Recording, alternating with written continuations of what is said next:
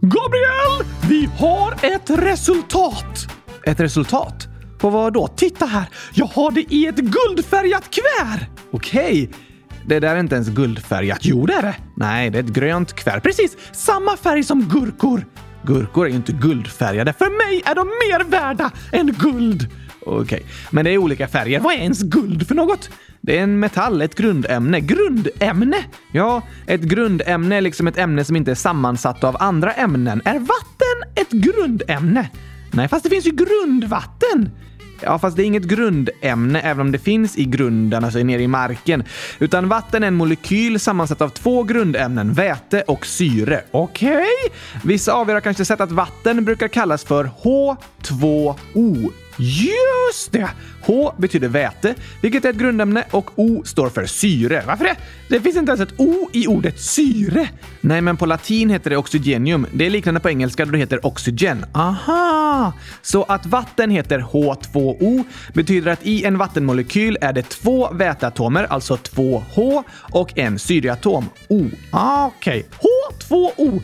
Det vetenskapliga namnet för vatten blir därför divätemonoxid. Di betyder två och mon en. Alltså, det låter lite läskigt att dricka. Vad menar du? Som en farlig kemikalie typ? Divätemonoxid?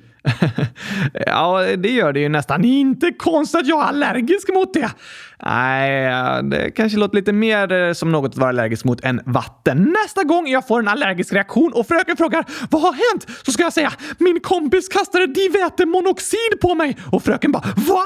Det var inte okej. Det måste vi tvätta bort med vatten. Och jag bara ännu mer divätemonoxid!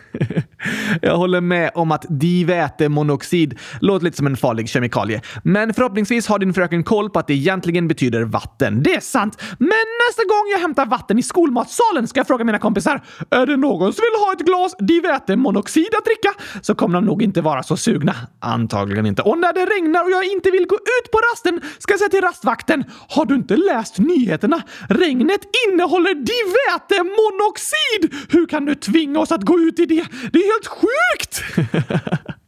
Låter farligt. Förhoppningsvis kan jag få stanna inne på rasten så jag inte blir blöt av det hemska regnet och vattnet. Lycka till med det, Oskar. Det var eh, smarta planer. Den enda gången jag vill ha divätemonoxid är när det är i form av en gurka. Ja, då kan du tänka dig att äta vatten om det är i gurkan. Ja, tack! Och här kommer därför divätemonoxidgingen. Nej, jag menar gurkagingen! Här kommer den.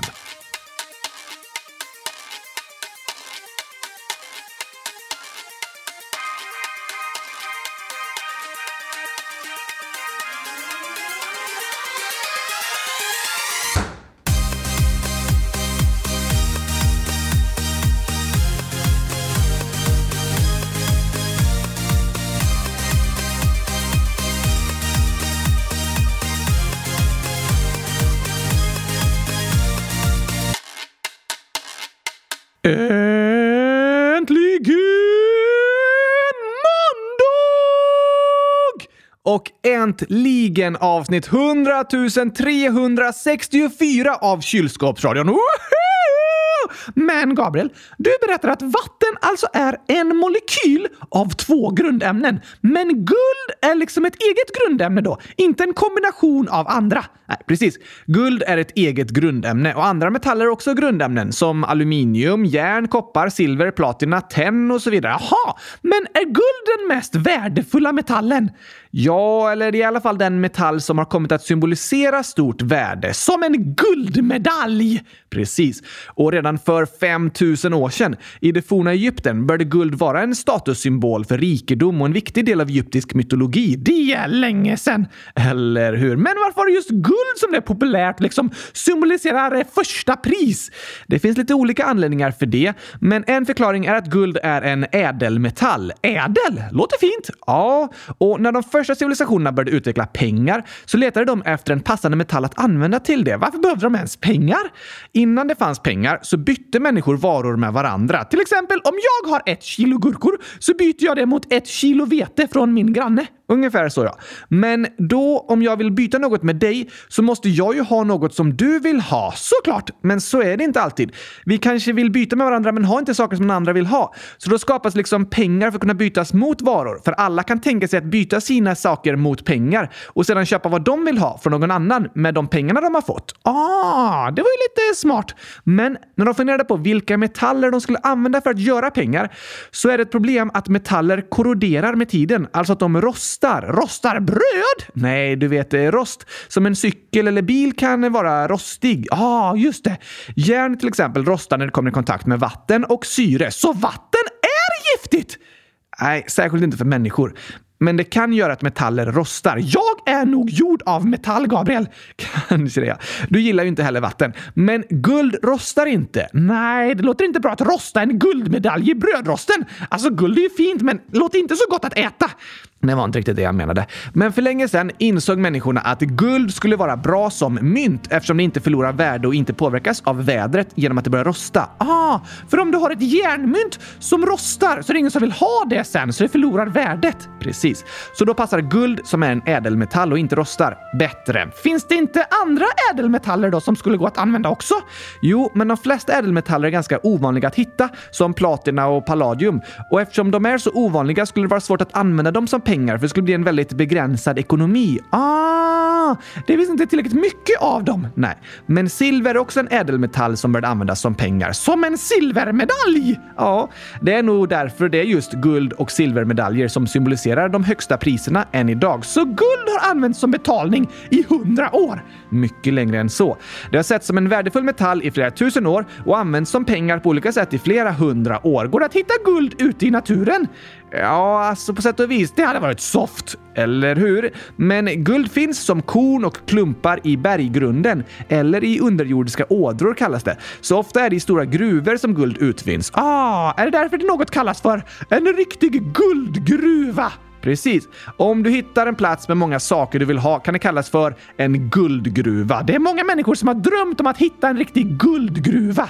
Det är det verkligen. Och tyvärr har guld även en mörk historia på grund av sitt stora värde. Där människor används som slavar för att gräva guld och väldigt mycket guld har stulits från andra länder. Särskilt var det efter de europeiska kolonisatörerna upptäckte Amerika som de kom över massor av guld, speciellt från Mexiko och Brasilien. Oj då! Och hundratusentals slavar skeppades från Afrika över Atlanten till Sydamerika för att tvingas arbeta i guldgruvor under omänskliga förhållanden. Och guldet skeppades till Europa. Precis. Vilket gjorde att de hade mer pengar att skeppa fler slavar för. Vilket fruktansvärt system! Verkligen. Vissa länder blev stormrika genom att utnyttja slavar och sno guld från andra länder. Och konsekvenserna av det finns kvar än idag. Oj då!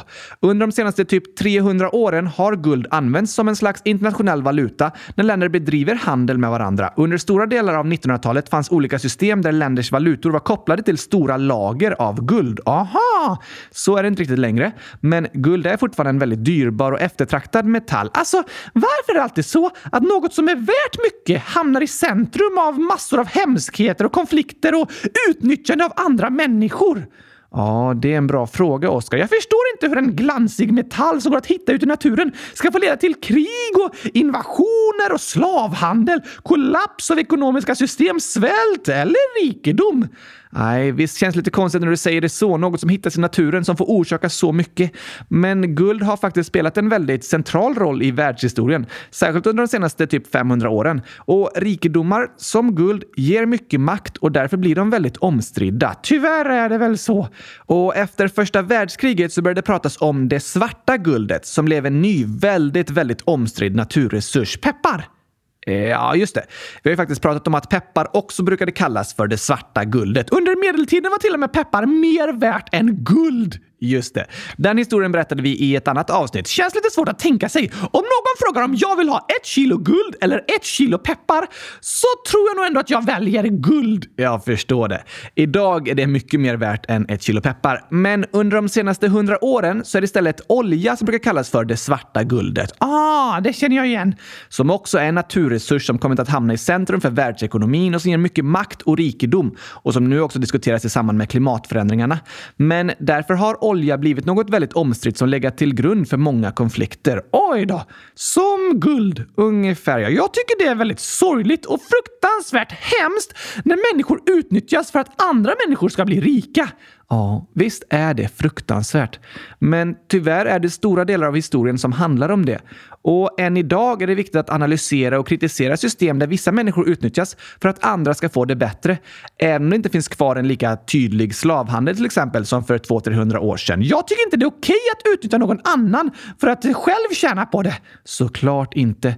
Men tyvärr finns det system idag där det fortfarande pågår utan att alla ens är medvetna om det eller ser och förstår. Hur då menar du? Jo, men till exempel om jag går in i en affär i Sverige och köper en billig t-shirt så är det svårt för mig att inse och förstå att det billiga priset beror på att människor jobbar i fabriker under slavliknande förhållanden med att sy kläder i ett annat land. Just det! Textilindustrin är något som ofta uppmärksammas när det handlar om utnyttjandet av andra människor och billig arbetskraft och fruktansvärda arbetsförhållanden. Det har jag sett olika filmklipp och information och så om. Ja, och för att vi ska förstå hur världen fungerar idag och vad som finns bakom de produkter vi köper i affären är det väldigt viktigt med journalister som uppmärksammar orättvisor och kritiserar och ifrågasätter hur stora företag arbetar och så. Det har du rätt i! Som ni nog vet så skickas ju idag varor fram och tillbaka över hela världen. Just det! Det är inte så mycket av det vi köper i Sverige som faktiskt är skapat i Sverige. Kläder, leksaker, teknologi och så kommer från fabriker i andra länder. Och det som går att kritisera med det systemet är att i Sverige har vi väldigt strikta lagar som handlar om människors jobb. Vadå för lagar? De handlar om att arbetsdagen inte ska vara för lång, just det, och att arbetsförhållandena inte ska vara farliga och att barn inte får jobba och att det måste vara okej okay löner och så. Det är ju bra! Verkligen. Det är viktiga lagar som finns till för att försöka förhindra att människor utnyttjas på sina arbetsplatser och att de inte ska utsättas för fara. Men även om vi har sådana lagar som ska gälla alla som jobbar i Sverige så säljs det ju produkter i Sverige där människorna som jobbar med att producera de produkterna i andra länder inte är skyddade av de lagarna. Oj då! Det blir som att anse att alla människor inte är lika mycket värda. Hur menar du? Ja, som ett svenskt företag säger. I Sverige är det inte okej okay att tvinga människor att jobba på det här sättet. Men i andra länder tycker vi det är okej okay att de tvingas jobba under hemska förhållanden. Så vi kan köpa sakerna därifrån och sätta våra fabriker där istället. Precis. I jakten på billig arbetskraft har fabriker flyttats över hela världen och att vissa människor kan köpa billiga fina saker beror fortfarande på att andra människor utnyttjas och jobbar under hemska förhållanden. Det kan vara på fabriker, men även i till exempel gruvor där metaller grävs fram för att användas i modern teknik och annat. Aha! Det är också något som uppmärksammats av olika grävande journalister. Särskilt talas det om konfliktmineraler i Kongo, där kriget och konflikterna fortsätter bland annat på grund av de värdefulla naturresurserna i form av mineraler som finns i området, som är viktiga i modern teknik, till exempel i nya batterier. Oj då! Men vad går det att göra då, Gabriel? Det är liksom svårt att hålla koll på allt som händer i världen. Ja, såklart. Och det går inte att säga att det är varje persons ansvar att ta reda på hur varenda matbit och grej som köps är producerad. Men jag tror ändå det är viktigt ämne att prata om. Att det finns priser som kan vara för bra för att vara sanna, som baseras på att andra människor utnyttjas och inte får grundläggande rättigheter eller tillräckligt med lön för att kunna försörja sig och sin familj. Just det! Och om det är något som vi förstår och är medvetna om, tror jag att vi kan bli ännu bättre på att orka lyssna på journalister som berättar viktiga berättelser och uppmärksamma de hemska vägar vissa produkter har innan de står på hyllan hyllorna i våra affärer. Och gemensamt kan vi sätta press på stora företag att ändra sätten de jobbar på. Det har du rätt i! Och i grunden handlar mycket om det här om vår tro på alla människors lika värde och hur vi behandlar varandra. Hur då menar du? Att förstå att det som inte är okej okay på en plats är inte heller okej okay någon annanstans. För alla människor förtjänar samma rättigheter och samma sorts arbetsvillkor och får inte utnyttjas för att andra ska tjäna på det. Det är väldigt sant! Och det är något vi kan träna på var och en varje dag tror jag. Att behandla behandla alla människor med samma slags respekt och stå upp för alla människors lika värde. Precis, det håller jag med om. Men alltså, vi brukar prata om det här att stå upp för alla människors lika värde. Men hur går det till egentligen? Det låter som något bra att göra, men jag vet inte riktigt vad jag ska göra. jag förstår vad du menar, Oskar. Det är lätt att använda fina ord, men sen kan det vara svårt att faktiskt följa dem. Fina ord? Du menar gurkaglas? Nej, eller kylskåp! Det är ett otroligt vackert ord! Kanske det. Det måste du väl hålla med om, Gabriel? Kylskåp! Det är en perfekt blandning av olika bokstäver och låter verkligen vackert när en säger det. Ja, Kylskåp. Eh, men det är väl ett ganska fint ord. Ganska! Om du med ganska fint menar superduper mega vackrast i världen så håller jag med dig. Okej, okay, Oskar. Var det det du menade med fina ord? Nej, jag menade att ibland använder vi fina ord som att säga alla människor är lika mycket värda. Ja, det är faktiskt lika fint som att säga kylskåp. Ja, men det jag menar är att ibland stannar vi vid de fina orden och de fina orden blir inte till handlingar. Ah, vad innebär det då att alla människor är lika mycket värda? Mer än att det låter fint? Det finns såklart jättemycket olika saker att säga om det uttrycket, men det handlar om att alla människor ska ha samma rättigheter. Du menar att alla är lika inför lagen, oavsett vilka de är, hur de ser ut eller var de kommer ifrån? Det är ett exempel. Och det gäller även i skolan. Vi har ett inlägg från Guta Perka, 11 år, som skriver “Jag känner att min gympalärare inte betygsätter rättvist för att jag fick sämre betyg än min kompis, även om vi gjorde nästan allt tillsammans och vara lika bra på det. Det känns som att han bara gissar hur bra vi är och att han tror att alla killar är bättre än tjejer. Vad kan jag göra? PS. Min kompis är kille och jag är en tjej. Oj då! Tack för ditt inlägg Gutta Perka och att du hör av dig och berättar om vad som har hänt. Det är inte okej okay att bedömas olika på grund av om man är en kille eller tjej. Verkligen inte. Men tyvärr finns det många människor som är med om att de behandlas annorlunda och diskrimineras på grund av sitt kön, sin hudfärg, sin religion, sin nationalitet eller annat som inte har med saken att göra. Diskriminering är något som inte har med saken att göra ändå får påverka. Precis. Och om en är kille eller tjej ska inte få påverka vilket betyg en får, för det har ingenting med saken att göra. Verkligen inte. Ett betyg ska baseras på hur bra du har klarat en kurs eller ett prov. Andra saker får inte påverka. Men om det känns som de gör det då? Då är det något som måste tas på allvar. Ja tack! Det är inte alltid lätt för lärare att sätta bra och rättvisa betyg. Det kan vara svårt att göra en bedömning av hur bra en person är i ett särskilt ämne. Det kan bli fel ibland. Ja, ganska ofta faktiskt. Är det okej okay att ifrågasätta de betygen lärare har satt? Absolut. Det är helt okej okay och kan ofta vara bra att göra så att läraren får förklara vad den tänker. Just det! För läraren måste ju ha en anledning att sätta ett särskilt betyg. Den behöver argument för att styrka sitt beslut och då kan du fråga läraren “Vad har du för argument för att du gav mig det här betyget?” Så får den förklara vad den tänkte och kanske vad som saknas för att det ska bli ett ännu bättre betyg. Det kan ju vara ett bra sätt att få tips om vad en ska träna på också i den kursen. Precis, det kan vara bra. För när det känns som att en lärare bara gissar hur bra olika elever är och sätter olika betyg utan någon bra motivering eller argument, då känns det inte bra. Och det är inte okej. Okay. Nej tack! Men vad går det att göra då? Som sagt, kan du gå till läraren och fråga varför han har satt ett särskilt betyg så får han motivera sitt beslut. Motivera? Behöver han motivation? Alltså att motivera ett beslut betyder att du berättar om varför du har tagit ett visst beslut. Ah, liksom förklara varför. Precis. Och du kan även ifrågasätta varför läraren har satt olika betyg om du och en klasskompis har gjort samma saker. Just det! Men sen så är det inte alltid det känns så lätt att ifrågasätta en lärare om ett betyg. Nej, men då är det ändå superbra att du berättar för andra om vad som händer och vad du känner om det, Gutta Perka. Som en förälder eller en annan lärare. Så kanske de kan hjälpa dig ta upp det med läraren eller även prata med rektorn om det. Med rektorn? Ja, rektorn är ansvarig för vad som händer på skolan. Och om ni som elever känner att det är en lärare som sätter diskriminerande betyg, till exempel att killarna i klassen generellt får högre betyg än tjejerna, då går det att ta upp det med rektorn. Eller om en kompis är mobbad men lärarna inte tar det på allvar och reagerar, då går det också att ta upp det med rektorn och berätta för rektorn. Aha, vad bra! Ja, det är viktigt. Men det är väldigt bra att du reagerar på det som händer i Guttaperkan och berättar om vad du är med om. Det är inte alltid den får det betygen önskar, men det är viktigt att läraren är rättvis bevis och har anledningar för att sätta ett visst betyg. Så det inte känns som att vissa personer får högre betyg än andra på grund av sånt som inte har med saken att göra. Ja, tack! Så alla ska vara lika inför lagen och när det sätts betyg och sådär? Absolut. Det är en del av att alla människor är lika mycket värda. Men det handlar om andra saker också, till exempel hur vi behandlar varandra. Just det! Det handlar om att respektera alla människor och lyssna på alla människor. Men jag hinner väl inte lyssna på varenda person i hela världen? Vet du ens att det är över 8 miljarder personer, Gabriel! Ja, såklart hinner du inte det. Och det är inte det jag menar. Men om till exempel rektorn på en skola får veta att en lärare behandlat en elev dåligt, då är det viktigt att rektorn inte bara frågar läraren “Vad hände?” Och så får läraren förklara sig, utan att rektorn även frågar eleven vad hände? Så får eleven också möjlighet att berätta sitt perspektiv. Ja, just det! Så att den lyssnar på båda sidor. Precis. Det är ett sätt att visa att bådas känslor och perspektiv är viktiga och lika mycket värda. Ja, tack! Och vi har pratat en del om journalister idag och att eh, ett av deras främsta uppdrag är att vara liksom högtalare åt personer som inte blir lyssnade på. Det är sant! För det är hemskt när en person är utsatt och utnyttjad, men sen så blir det liksom ännu värre om den berättar om det, men ingen lyssnar och ingen bryr sig. Ah, det är ungefär som att hundra personer står och tittar på en person som blir mobbad och ingen bryr sig eller säger något. Precis. Att inte bli lyssnad på, särskilt när en berättar om att den blivit behandlad illa, är fruktansvärt.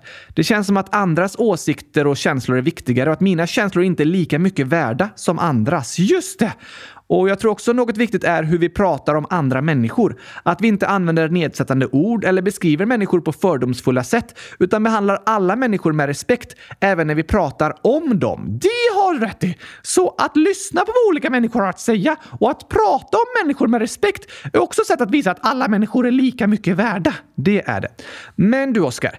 Du började ju dagens avsnitt med att berätta om ett guldkuvert. Ja, tack! Sen fastnade vi i en lång historia om guld och hur människor utnyttjat andra människor för att själva bli rika och om alla människors lika värde. Det gjorde vi. Men nu är nog lyssnarna riktigt nyfikna på ditt guldkuvert. Eller ja, det är ju grönt. Samma färg som gurkor, a.k.a. det gröna guldet. det ska jag börja kalla dem. Fast eh, jag vill ju inte kalla gurkor för det gröna guldet när det finns så många hemskheter som har skett i jakten på guld. Nej, det har en ganska mörk historia faktiskt. Gurkor är lite mer positiva. Alltså, jag tycker guldmedaljer borde ersättas av gurkamedaljer! Kanske det. Guld är ju fortfarande den ädlaste metallen, så jag förstår att många vill vinna en guldmedalj. Men i Eurovision Skämt Contest, där får vinnaren istället en gurkamedalj! Alltså, vem har bestämt det? Jag!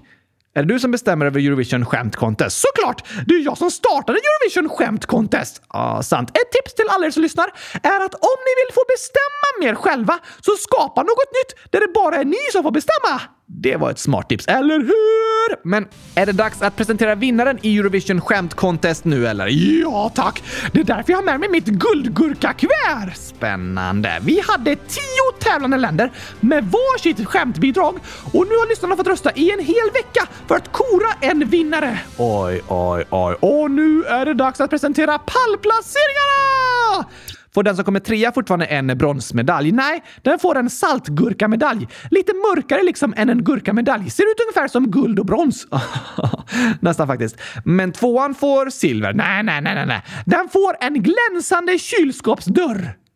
Som medalj? Ja, fast alltså en minikylskåpsdörr som går att hänga runt halsen. Ah. Var det fint, eller hur? Nästan lika fint som första pris som får en gurkamedalj! Men presentera vinnarna då, Oskar. Okej, okay, omröstningen är avslutad. Tack till alla som har röstat. Hundratusen tack. Alltså, Eurovision Skämt Contest är mycket bättre än Song Contest, för här är det i alla fall gratis att rösta. Det är ju bra. Och på tredje plats i världshistoriens första Eurovision Skämt Contest hittar vi Belgien! Wow! Grattis till alla i Belgien! Jag förstår att det här är det största ni varit med om på väldigt länge. Kanske. Så här var skämtet. Det finns tre sorters människor i världen. De som kan räkna och de som inte kan räkna. Det finns en risk att Belgien blev trea på grund av att jag inte kan räkna. Nej då, jag har också kollat och det var helt korrekt. Vad bra! Då är vi ju tre personer här. En som kan räkna och en som inte kan räkna.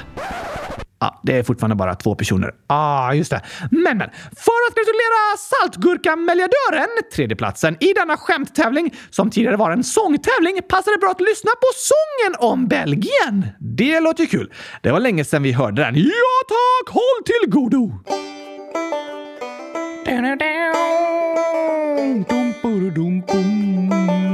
Kom igen nu! Nu tar vi ett nytt land och det är dags för dag 11. Så skönt att vi inte är själva utan har lyssnarna med oss. Men kanske är det dags att bryta bromskloss för vi har rullat runt länge med världens bästa umgänge. När vi Europa utforska. Ta det lugnt för vi har ingen brådska. Istället åker vi på till landet där EUs byggnad står. Ett land med många språk och slagfält för kända bråk. I Waterloo kända för sin choklad och förgiftade människor gissar jag. Häng med nu du min vän så rullar vi till Belgien. Snyggt sjunget! Hundratusen tack Gabriel! Men dagens tävling handlar inte om sång, utan om skämt! Precis, och nu är det dags att presentera kylskåpsdörrmedaljören! Andra platsen. Det här är ett land som påminner om Australien i Eurovision. Hur då? Ingen förstår egentligen hur de har hamnat i en europeisk tävling, men det gör ingenting. Det enda som spelar roll är att de har haft ett riktigt, riktigt roligt skämt. Just det. Och på andra plats kommer... Kina! Ooh. Med ett skämt som var lite på kinesiska ju. Ja tack! Både stjärna och schimpans heter xing xing på kinesiska. Därför blev skämtet så här. Läraren till eleverna. Det här kapitlet är väldigt viktigt inför provet, så markera det med en stjärna. Eleven. Är det okej okay om jag markerar det med ett hjärta istället? Schimpanser är så svåra att måla. Jag visste inte att kineserna var så roliga! Väldigt bra skämt faktiskt. Typ de bästa skämt som finns är tokiga kombinationer med ord som betyder flera olika saker. Ja, det håller jag med om. Och det kommer vi se igen på första platsen. Men innan dess är det dags att lyssna på sången om Kina. Ja, kul.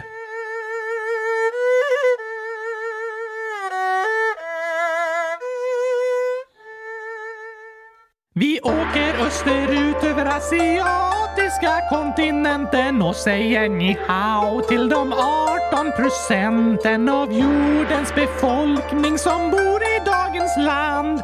Här finns både världens högsta berg och vacker strand. Ett språk med massor av olika dialekter och för att läsa behöver du kunna flera tusen tecken. Höga hus i mängder här och gula meloner som Oscar håller kär. Från Shanghai till Beijing åker vi i superfart. I Shenzhen och Chongqing är pinnar användbart. Kejsardynastier har här styrt i tusentals år. Av detta är världens längsta mur av alla spår. Vi äter Wanhua Vinkili någonstans utanför Kinning. Ser mandarinträd så fina när vi är i Kina.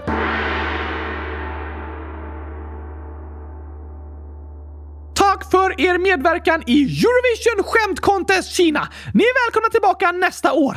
Och vart ska de åka då? Vad menar du?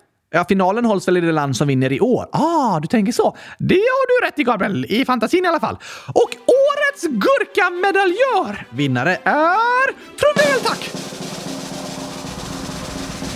Storbritannien! Wow! De fullkomligt krossade allt motstånd och fick nästan dubbelt så många röster som tvåan. Wow! Och här har vi inga jurypoäng, utan det är folkets röst som helt avgör vem som vinner. Också något bra med Eurovision Skämt Contest. Ja, det låter faktiskt bra. Grattis till vinsten i världshistoriens bästa och första Eurovision Skämt Contest! Berätta skämtet då. Ja, just det, det ska vi ta igen. Själva poängen är liksom på engelska. Det gjorde det kanske extra roligt. Ja tack, så här är det. Jag har äntligen insett vad som är fel på min hjärna. On the left side there is nothing right and on the right side there is nothing left. Det är en beskrivning av mig! Nästan faktiskt. På svenska betyder det att på vänstersidan finns det inget right, alltså inget höger, fast också betyder det att inget är rätt. Och på högersidan finns det inget left, alltså inget vänster. Men det betyder också att det inte finns något kvar. Precis som i min hjärna. Till vänster finns inget rätt och till höger finns inget kvar. Fast du har ju bomull kvar i alla fall, sant? Men ingen hjärnverksamhet. Inte direkt. Jag kan i alla fall inte drabbas av hjärnskakningar, så det är något positivt. Ja, det är jag nästan lite avundsjuk på. Du kanske ska testa att plocka ut din hjärna, Gabriel, och se om du får mindre huvudvärk då? Mm, ja, Eftersom smärtan liksom känns i hjärnan, även andra delar av kroppen som gör ont skickar ju de signalerna till hjärnan, så kommer jag inte känna någon smärta om jag inte har en hjärna. Då så! Vad smart! Varför har du ens kvar den? Jag kan ju inte överleva om jag inte har en hjärna. Ah, sant. Kanske bra att behålla den då. Ja, jag behåller den tills vidare. Men ska vi lyssna på sången om Storbritannien nu också? Det gör vi! Det landet pratade vi om näst sista dagen i Europakalendern, vilket ni kommer märka i sången. Just det!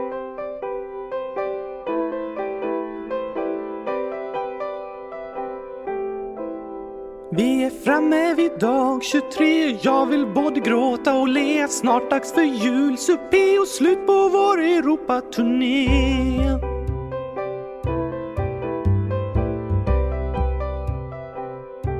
Men först vi till nytt land och ska bege där de gärna dricker. Te vid kontinenten överge och kryper in i en båtkupé.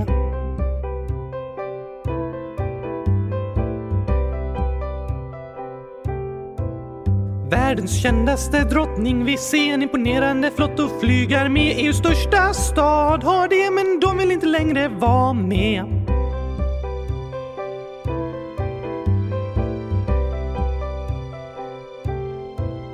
Ett språk som blivit världssuccé, en sport med miljarder tittare, fyra delar men ändå minus tre. Vi drar till Storbritannien, häng med! Fin sång, Oskar. Tack, tack! Den var lite lugnare, så nu känner jag mig i ett eh, nedvarvat tempo. Det var ju lite skönt att höra. Passar bra till alla som försöker sova. Faktiskt. Men det kommer inte vara så lätt nu, för jag är på skämthumör så vi ska dra vidare i full fart med dagens skämt! Du var lugn i typ eh, åtta sekunder i alla fall. Ja, det var det längsta jag någonsin varit lugn. I princip. Här kommer dagens skämt. Yes, thanks!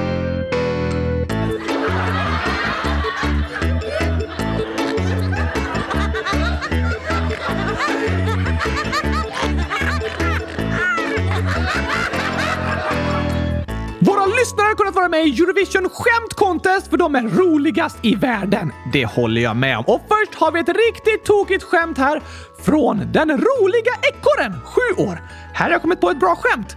Vad sa den ena gurkan till den andra gurkan? Hmm, det där var ett skämt i din smak, Oskar. Ja tack, gurkor är verkligen min smak. Verkligen. Men vad kan gurkan säga då? Eh, kanske Oh, vad varmt det är! Ska bli skönt att ta ett dopp i glassen. jag önskar att gurkorna ska hoppa i glassen, men det var inte det den sa. Nej. Kanske något om eh, vatten, divätemonoxid? Inte det heller. Okej. Okay. Vad sa den där gurkan till den andra då? Inget, för gurkor kan inte prata. Aha. Trodde du att gurkor kunde prata, Gabriel? Nej, men alltså jag tänkte att det var ett skämt. Eh, när roliga ekorren lyckades dock verkligen lura mig. Ja, tack! Väldigt tokigt faktiskt. Väldigt. Men här har jag ett inlägg från katt I'm snart 10 år som först började med att skriva “Min katt Zelda blev påkörd och nu är hon död”. Åh nej! Vilken sorg! Det var väldigt, väldigt tråkigt att höra Kat Aim. Vi tänker på dig och alla i familjen och önskar er allt gott. Hundratusen styrkekramar från alla oss i kylskåpsradion. Det skickar vi till er. Men Kat Aim skriver ett väldigt tokigt skämt också, Oskar. Jaså? Det står så här. Vem får lön utan att jobba en enda dag? Och sen en avslutande hälsning. Älskar er. Och massor av kärlek tillbaka till dig! Det skickar vi. Men vem kan få lön utan att jobba? Bra fråga. Alltså, om det hade varit motsatsen hade det varit jag. Vadå? Vem som jobbar utan att få lön? Ah, alltså jag känner mig faktiskt utnyttjad här i podden, Gabriel. Oskar, du är en docka så du kan inte bli anställd och få lön på samma sätt som människor. What? Vilken dockskriminering! Diskriminering för dockor? Ja, ja, eller det är svårt att anställa dockor. Det är lite annorlunda än för människor. Men jag tvingar ju inte dig att vara med i podden. Du är ju med frivilligt. Ja, tack! Så att jag kan prata om gurkaglass inför tusentals lyssnare. Precis, det är din stora dröm. Dessutom får du en gurka när vi avslutar varje avsnitt. Woho! Då får jag ju lön för jobbet. Det får du. Men vem får lön utan att jobba en enda dag? Jobba en aldrig! Inte en enda dag. Men det går väl inte att få lön då? Jo, what? Hmm, kanske kungen? Ja, kungen har en lite annorlunda situation angående lön och betalningar, men även om det inte är ett så vanligt jobb finns det ju många arbetsuppgifter och så med att vara kung. Det är ett ganska fullspäckat schema, så det är fel. Okej, okay. Då kan jag inte komma på. Vem får lön utan att jobba en endaste dag? Rätt svar är nattvakten. Aha! Den var bra. En nattvakt jobbar ju hårt och ofta, men inte en endaste dag, för den jobbar på natt! Natten! Precis. Alltså, där lurar du mig verkligen, Kattheim! Det var klurigt och väldigt roligt. Ja, tack! Men snart ska vi prata om dinosaurier, Oskar. Yes! Innan dess har vi dock ett dinosaurieskämt. Nämen! Leo Banan, 7 år, skriver först Hej Kulskåpsradion! Gissa vad som är rätt och vad som är fel och så är det spårvagnar, gurkor, tomater och kiwi. Jag vet vad jag tycker är fel. Det rätta svaret är spårvagnar för jag gillar dem mest. Aha, det var inte det jag tänkte på. Nej, det var det inte. Men sen står det “Vilken dinosaurie måste ha solkräm hela tiden?” Hmm, solkräm? Eh, det är en väldigt bra fråga. Jag måste leta upp min faktabok om dinosaurier och läsa lite. Det står inte med där. Va? Är det så exklusiv fakta? Nej, det är ett skämt ju. Ah, då får du nog berätta svaret. Leo Banan skriver “Solikrämsaurusen som bor i öknen”. Hej då! En solkrämsaurus som bor i öknen! Det låter som den använder mycket solkräm. Ja, tack! Väldigt tokigt faktiskt. Ska jag presentera dinosaurieomröstningen nu? Ja, det ska vi ta och göra. Tack för det skämtet som ledde oss in på det, Leo Banan. Äntligen dinosaurienamn! För er som missade avsnittet när vi berättade om det så har det hittats tre nya dinosauriearter i Skåne. Helt otroligt! Väldigt häftigt och spännande. Men hittills har de fått namnen Skånesaurus 1, Skånesaurus 2 och Skånesaurus 3. Inte särskilt kreativt. Verkligen inte. Därför har vi bett er lyssnare skicka in förslag på era bästa dinosaurienamn så lägger vi till dem i en omröstning på hemsidan och de tre vinnarförslagen skriver jag sedan i ett mejl till paleontologen i Uppsala som är ansvarig för namngivningen av dinosaurierna. Så får vi se vad han tycker om de namnen. Ja, tack! Det blir roligt, verkligen. Och här har vi förslagen till omröstningen. Anonyma kylskåpet, 10 år, skriver “Jag vet vad en av dinosaurierna ska heta. Kylosaurus. Den kändaste isgurkan, 7 år. Tokigt dinosaurienamn? Droposaurus. Wow! Tage, 7 år. Hej! Jag tycker att Skelettis är ett bra dinosaurienamn. Sandosaurus är också bra. Det var jättekul att lyssna på dagens avsnitt om dinosaurier. Nors N, 9,5 år. Jag har ett namn på dinosaurierna. Första Olisaurus. Tanklosaurus och Tinklosaurus. Snyggt! Gurkaklassen, 100 000 år. Dinosaurienamn? Oscarsaurus. Alltså, vänta, vänta, vänta. Jag har hört ett otroligt vackert namn. Ja, är det Oscarsaurus? Ja. Alltså tänk, en dinosaurie uppkallad efter mig. Det kanske inte är efter dig. What? Det stavas ju med Å! Ja, det är nog efter dig. Du kan ju rösta på det. Ja, jag tror jag kommer rösta på det. Signe, 10 år, skriver en av dinosaurierna kan heta Dominosaurus. Men hej då, snälla svara i podden. Vi är så glada för dina inlägg, Signe! 100 000 tack. Anonymous, 254. 100 000 minus 100 000 plus 10 år. Alltså 10 000 år! Ungefär. Jag tycker att dinosaurien ska heta Megasaurus eller Raptisar. Ja, coolt! Och Elin, 11 år, skriver Hej, ett förslag på dinosaurienamnet. Grunkisaurie 2. Kylsaurius och 3. Oscar Gurksaurius. PS9 är bäst. Oscar Gurksaurius! Här blir ju ännu bättre. Och fortfarande lite solbränd Malte, 100 000 egentligen, 11 år, skriver Halli hallå! Mitt namnförslag till den köttande dinosaurien är Cartiosaurus, som betyder köttiosaurus. Men även om den är en köttätare så kan den ta sig en gurka. Skönt att höra! Håll utkik, Oscar! Tack och hej! En stor fin gurka utan dinosauriebett till dig. Ja! PS. Räkna gurkorna och hitta tomaterna och chokladkakorna. Och så är det 16 000 231 gurkor. De äter jag tillsammans med kartjusaurusen! Gör det. Goda Gurkan, 100 000 år, skriver “Jag tycker att en dinosaurie borde heta Pelle, PS9 är bäst. Snyggt namn! Love, 100 001 år. Jag tycker att Skånesaurusarna ska heta Köttosaurus och Lövosaurus. Smart! Höna böna, I don't know ålder. Ikeaurosaurus Ja, jag vet att Ikea inte kommer från Skåne, men ändå. Klurifaxigt! Ikea och Sverige, hjärta, bye. Katten CO12, 100 000 eller 10 år. Dinonamn? Gurkisaurus. Specialavsnitt Sjukdomar. Nu hej då hälsning. Tack och hej! Det var allt från mig. Snälla använd den i ett avsnitt. Jag kom på den själv. Det ska vi göra! Tack för förslagen! Superbra förslag! Och 8-bitars gurkan 100 000 år skriver den minsta dinosaurien kan heta Pravisaurie. Varför? Jo, nämligen för att jag översatte liten till latin och det blev pravus. Så pravusaurie. Tack och glad, pixlig choklad. Woho! Klurifaxigt tänkt! Lukas, 10 år. Några dinoförslag? Växtätare. Saladionus och Antichokladosaurus. Oh, oh, oh! Antichokladosaurus! Om jag hade varit en dinosaurie så hade det varit jag! Köttätaren Skånesaurus rex. Wow! Supergurkan 100 000 år. Dinosaurien kan heta Oscar Saurus. Ja, det tycker jag också. Theo, 8 år. Jag tycker att dinosaurierna ska heta Kylskåps, Gurkan och Poddis. Bra namn! Sigge Sagge Gurkason, 10, snart 11 år. Hej! En växtätare, dinosaurien, kan heta Sifosaurus. Ooh, Gurkaapan, 100 000 år. Hej bästa podden! Jag har ett dinosaurienamnförslag. Trumljud. Jag fixar det! Brr! Novosaurus. PS. Novus betyder ny på latin. Snälla! Kan ni ta med det i omröstningen? Ja, smart eftersom det är nya arter! Novosaurus! Väldigt smart de här latinska namnen. Det har ni tänkt till.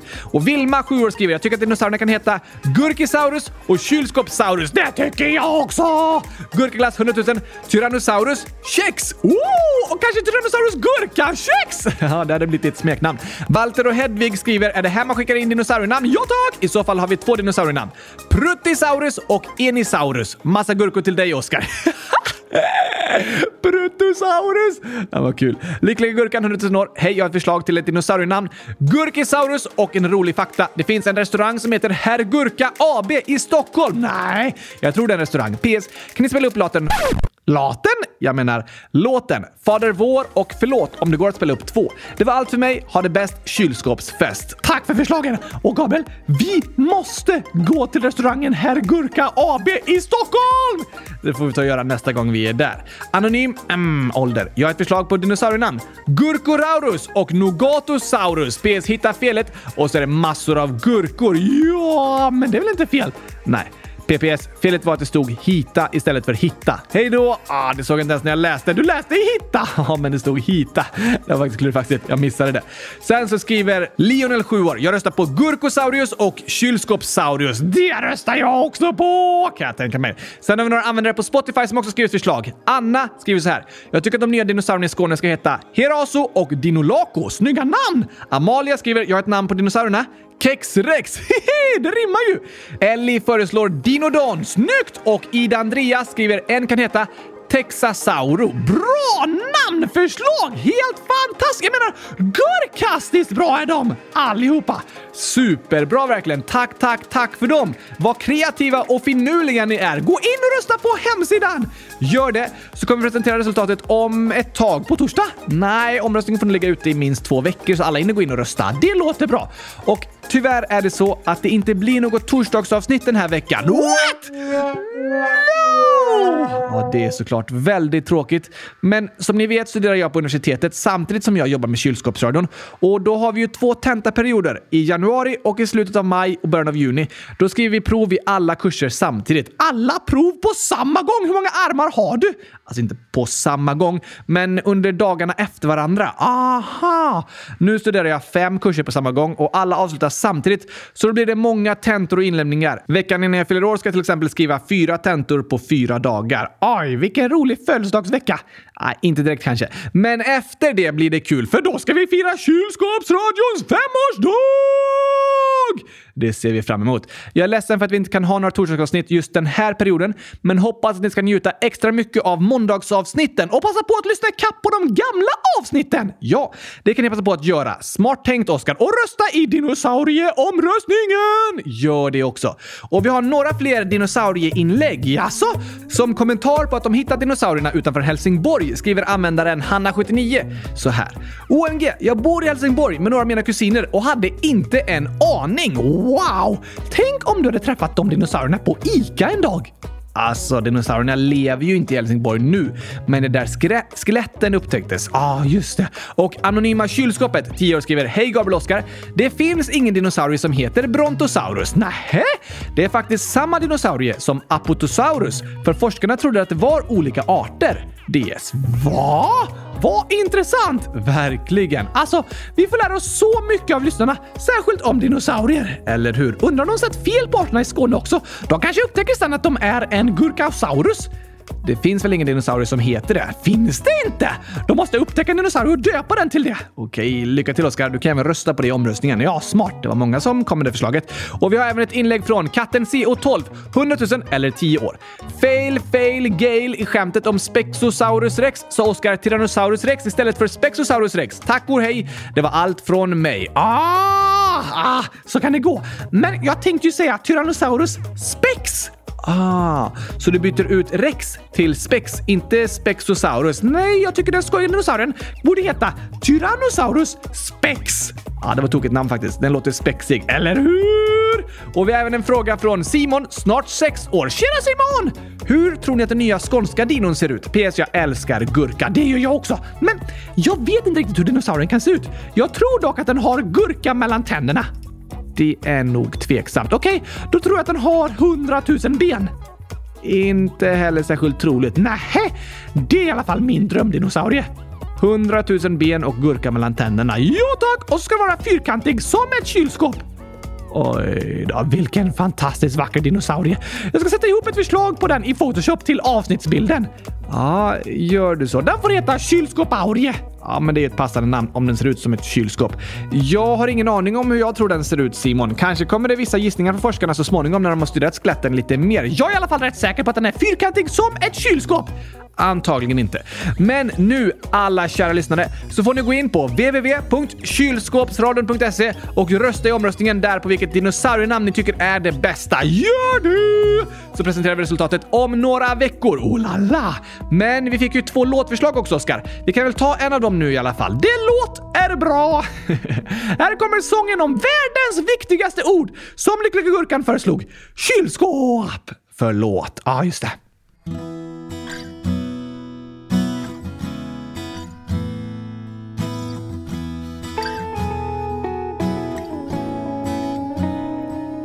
Har du någon gång haft ett argument som börjar kännas som ett stort skämt. Minns inte ens vad ni slåss om eller hur bråket någon gång uppkom. Men ändå är det svårt att sluta. Man fortsätter tillbaka skjuta. Men vill ni någonsin vara vänner igen måste ni öppna ögonen. Det är som att tända ett ljus i världens mörkaste hus. Allt gammalt glöms bort.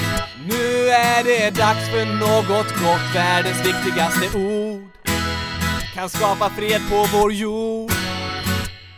En riktig hjälteinsats förtjänar första plats. Den som sväljer sin gråt och vågar säga förlåt.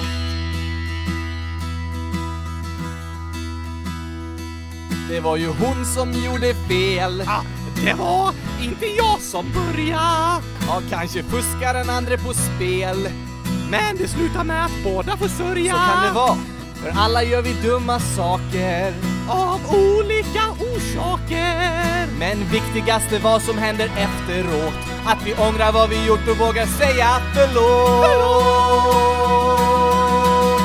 Det är som att tända ett ljus Woo! i världens mörkaste hus. Allt gammalt glöms bort.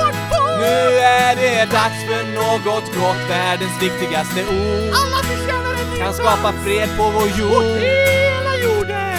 En riktig hjälteinsats förtjänar första plats. Den som sväljer sin gråt och vågar säga Kylskåp! Äh, äh, vänta lite. För, förlåt menar jag! Ett litet ord med bara sex bokstäver. Som skiner igenom i alla väder Är det något ord du ska lära dig säga? Är det ordet förlåt för det får mörkret väja? Men ändå kan det ordet vara svårt att få fram. Ja, man vill inte erkänna man känner skam. Men ta de ordet till dig. Du tjänar en medalj! Och våga säga det ordet som får mörkret på fall Det är som att tända ett ljus Det är som att tända ett ljus i världens mörkaste hus. Allt gammalt glöms bort. Nu är det dags för något gott. Världens viktigaste ord kan skapa fred på vår jord. En riktig hjälteinsats förtjänar första plats. Den som sväljer sin gråt och vågar säga Det är som att tända ett ljus i världens mörkaste hus. Allt gammalt glöms bort. Nu är det dags för något gott, världens viktigaste ord. Det kan skapa fred på vår jord. En riktig hjälteinsats förtjänar första plats. Den som sväljer sin gråt och vågar säga En riktig hjälteinsats förtjänar första plats. Den som sväljer sin gråt och vågar säga förlåt. Så fint. Ja tack! Och med det ska vi avsluta för idag och inte höras igen på en hel vecka! Snyft, det gör ont i hjärtat att tänka på. Du har inget hjärta. Nej, men det gör ont ändå. Oj då. Vi har dock några avslutande hälsningar. Woho! Hector, 8 år, skriver “Jag fyllde år den 9 maj. Kan ni gratta mig? Snälla PS Gurkaglass är bäst.” Det tycker jag också! Vad roligt att höra Hector! Och gratis i efterskott! 100 000 grattis i efterskott på födelsedagen Hector! Hoppas du fortfarande är mätt av all gurkaglass du ätit! Det var ju några veckor sedan nu, ja tack, men så mycket gurkaglass tror jag Hector åt! Kanske det, eller något annat gott. Vi hoppas i alla fall du hade en väldigt, väldigt bra dag och kände dig mycket omtyckt och älskad. Ja, tack för det är du! Det är du. Sen skriver Sigge Sagge Gurkason, 10 år. Kan ni gratta min lillebror Vidar som fyller 7 år 21 maj? Det är ju igår! Ja, grattis i efterskott på födelsedagen till dig också! Vidar! 100 000 gratis! Hoppas du fick en gurkglasstårta som var högre än Mount Everest. Wow! Eller, jag menar Eiffeltornet ovanpå Mount Everest och sen så Machu Picchu ovanpå Eiffeltornet ovanpå Mount Everest och Mauna Kea ovanpå dem allihopa. Det blir högt. Otroligt högt! Och så stor var Vidars gurkaglasstårta. Det hoppas vi. Eller att du fick göra något annat som du tyckte om. Kanske något gott att äta eller något roligt att göra. Ja, tack! Hoppas i alla fall du hade en superbra sjuårsdag igår. Yes! Sju år är en fantastisk ålder. Det är mitt favoritnummer faktiskt. Är det sant? Jag älskar 100 000. Du har nämnt det. Ha det bäst i test. Vidar och Sigge Gurkason. Sen skriver Roblox Pro and the Cucumber and Badoons and Sausage 100 000 år. Wow! Hej kylskåpsradion! Jag undrar om ni kan gratulera mig den 23 maj och sen massa glada och skrattande emojis och sen massor av nior så fyller Roblox Pro 99 triljoners triljarder miljoners miljarder år. Sen 99 miljarder, 99 miljoner, 99 000, 9900, 99! Um, ungefär. Eller så kanske Roblox Pro fyller nio år. Ja, det kanske också är en förklaring. I så fall önskar vi dig superstort grattis på nioårsdagen. Ha en bäst i test födelsedag! Imorgon. Wow, vilken fest! Det hoppas jag att du ska få med massor av gurkaglass, gurkaglass. Kärlek och glädje skulle jag säga. Och gurkaglass. Det är kärlek och glädje för dig. Vi hoppas att du Roblox Pro ska få en riktigt härlig dag med saker som du tycker om. Och gurkaglass! Kanske det. Välkommen till oss nioåringar! Välkommen! Ha det bäst i test. Det säger vi till alla er som lyssnar. Ha världens bästa vecka nu när vi hörs nästa måndag. Det är ju ett tag tills dess, men inte så långt. Nej tack! Och det finns många avsnitt att lyssna på. Det gör det verkligen. Scrolla tillbaka eller sök på något särskilt ord för att hitta det avsnittet som ni tycker om. Ja tack! Och ha det riktigt fint så hörs vi snart igen. Tack och hej! Det var allt från mig och mig. Snygg avslutning. Väldigt fint. Ha det bäst allihopa. Hej då!